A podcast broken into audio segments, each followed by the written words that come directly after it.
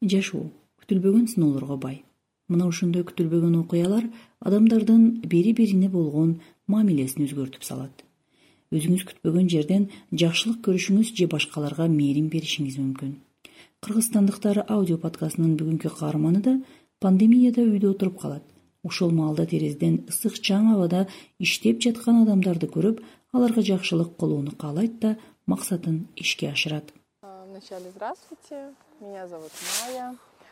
Мне двадцать пять лет у меня вот есть два ребеночка в целом социальные проекты начинаются не специально мы что-либо не планировали просто именно перед карантином начался наш первый проект по раздаче маскам для сотрудников тазалык потому что будучи мы когда мы сидели дома я всегда выглядывала с окна и видела, как сотрудники Тазалык подметали и вот дышали этим нечистым воздухом без масок, а мы были защищены, мы сидели дома. И в тот момент как бы я тоже не могла молчать. Все это загрузила в социальные сети, и мы начали сбор, сбор денежных средств. Когда сбор уже закончился, нам очень сильно помогла компания Дармек Фарм, потому что на тот период именно масок в городе не было.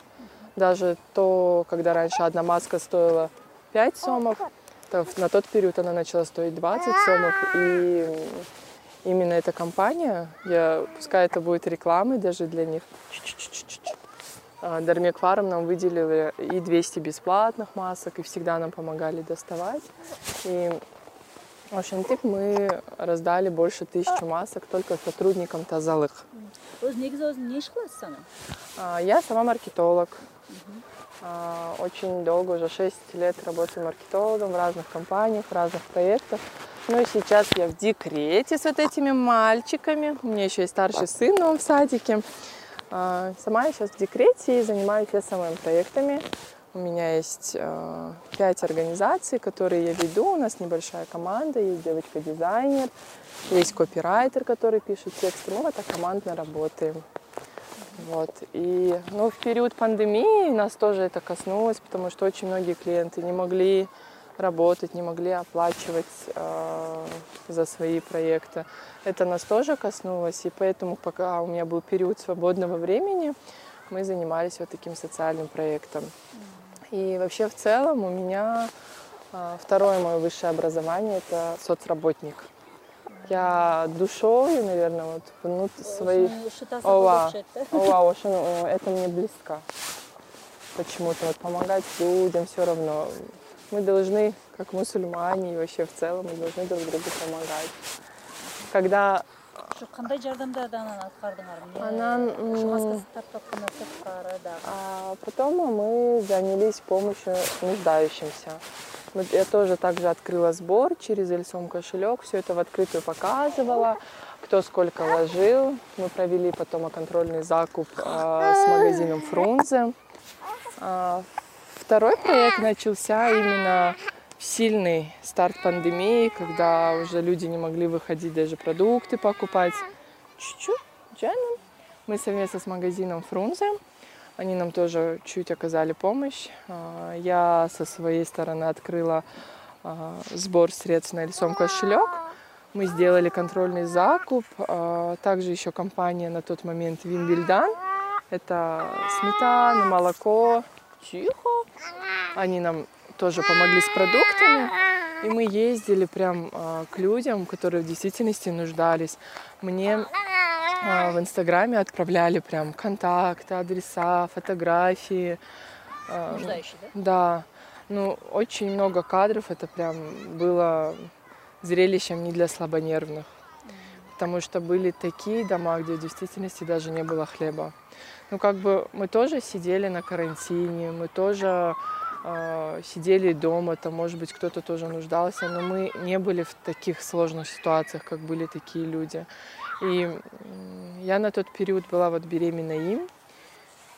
Э, честно, вот какой-то момент я даже не, не могла ходить к этим людям, и просто я дальше продолжала собирать, покупать. Мой муж уже ездил и раздавал.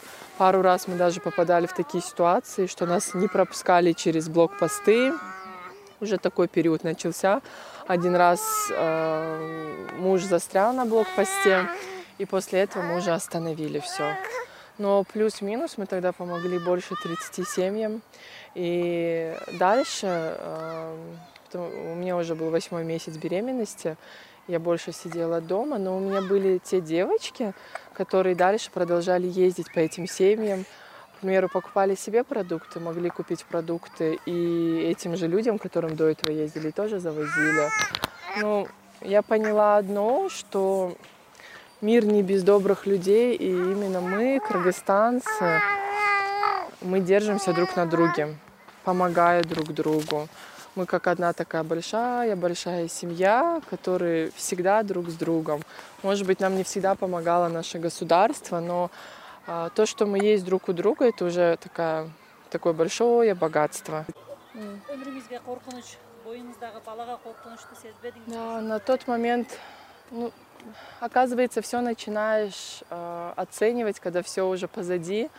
Конечно, было страшно. Были моменты, когда я даже начинаешь чихать и сразу думаешь, а вдруг я заразилась. Но в любом случае в добрых делах всегда помогает э, Бог Всевышний. Мне кажется, Он всегда был рядом, Он даже оберегал. Э, ребенка, слава Богу, родила здорового, все с нами хорошо.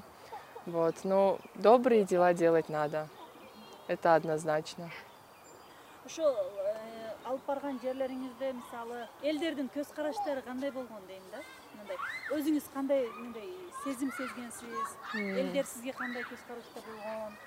Ошол жөнүндө если честно то люди они знаете были в потерянности. К примеру э, я заходила в такие дома где даже было такое что там нету дома. Там были такие места где люди жили в гаражах оттуда тоже выходили дети.